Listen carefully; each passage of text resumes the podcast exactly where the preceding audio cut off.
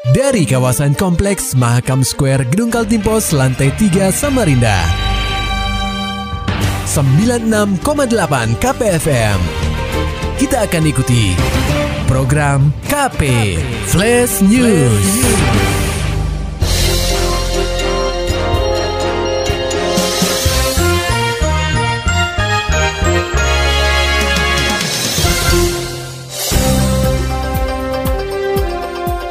Anda sedang menyimak program KP Flash News bersama saya Agung Pratama.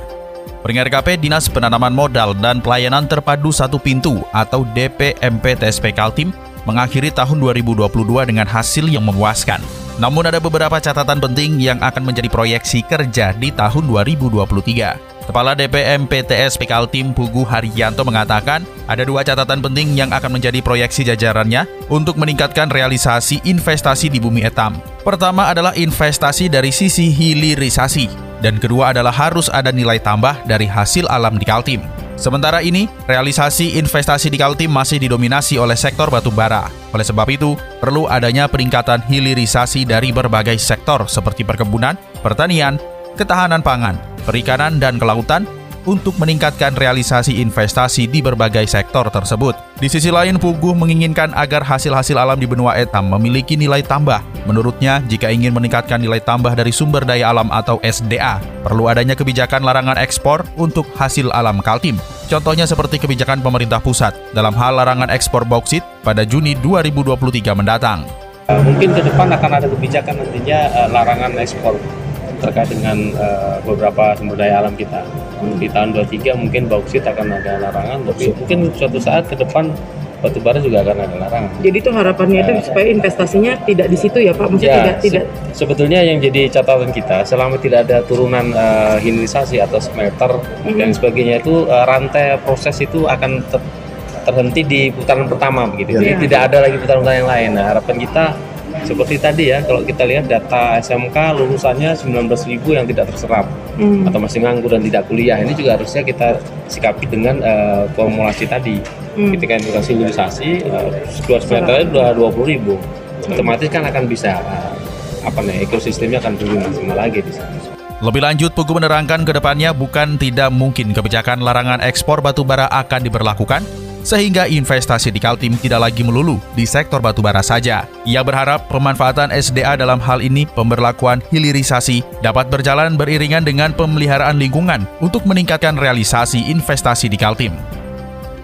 Beralih ke berita selanjutnya, Peringkat KP Pemkot Samarinda mengikuti rapat koordinasi atau rakor bersama Kementerian Dalam Negeri atau Kemendagri perihal persiapan pemerintah daerah dalam pelaksanaan anggaran pendapatan belanja daerah atau APBD tahun 2023. Wakil Wali Kota Samarinda Rusmadi yang mengikuti rakor secara daring itu mengatakan pihaknya bersyukur bahwa realisasi pendapatan Pemkot Samarinda mampu melampaui target, di mana Pemkot Samarinda menduduki peringkat kedua untuk realisasi belanja daerah. Orang nomor dua di kota tepian ini menuturkan realisasi belanja Pemkot Samarinda dinilai cukup baik karena berada di angka 86 persen di atas angka rata-rata nasional yaitu 82 persen.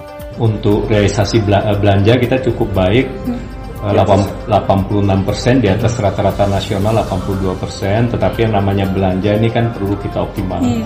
Dan tadi uh, kita minta untuk uh, tetap memberikan perhatian terhadap masalah-masalah yang kemarin menghambat uh, pelaksanaan kegiatan uh, APBD, hmm. terutama untuk lelang. Ini kita minta dipercepat, mudah-mudahan bulan Maret itu sudah selesai semua. Sudah clear. Hmm. Sudah clear. Meski dinilai cukup baik, Rusmadi tetap mengingatkan kepada jajarannya agar mengoptimalkan realisasi belanja daerah, terutama memberi perhatian kepada masalah-masalah menghambat pelaksanaan kegiatan APBD, terutama untuk lelang. Rusmadi menambahkan, saat ini pihaknya telah meminta untuk mempercepat proses lelang, dan harapannya pada bulan Maret mendatang seluruh proses lelang sudah selesai semua. Sementara itu pendengar KP, Samarinda diguyur hujan lebat dan angin kencang, atap rumah warga beterbangan. Laporan selengkapnya akan disampaikan reporter KPFM Samarinda, Muhammad Nur Fajar.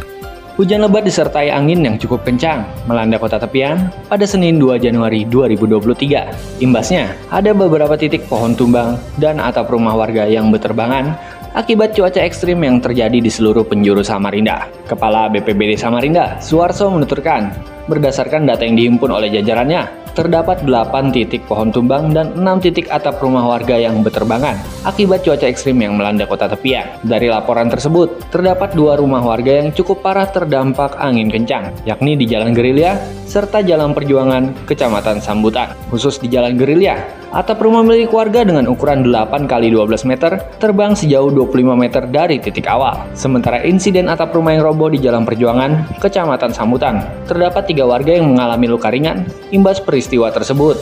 Dengan rincian, satu orang dewasa dan dua orang anak-anak. Suarso menerangkan, berdasarkan laporan dari Badan Meteorologi, Klimatologi, dan Geofisika atau BMKG, cuaca ekstrim yang ditandai dengan hujan lebat, angin kencang, dan puting beliung akan terjadi sampai dengan 5 Januari 2023 di kota Samarinda. Yang pertama, masyarakat harus sering-sering mencari informasi kaitannya dengan cuaca, yaitu di BMKG itu sudah ada yang bisa di-download itu bmkg.go.id hmm. itu ada ramalan cuaca, curah hujan, yeah. kecepatan angin, kemudian tinggi gelombang atau pasang itu hmm. terbaca semua. Masyarakat harus mengupdate terus itu yang pertama. Hmm. Yang kedua, untuk warga yang berdomisili di daerah-daerah lereng hmm. itu waspada. Waspada hmm. dalam artian kalau sudah terjadi hujan deras angin kencang ya sebaiknya tetap waspada untuk mengamankan diri di luar rumah untuk hmm. memantau perkembangan.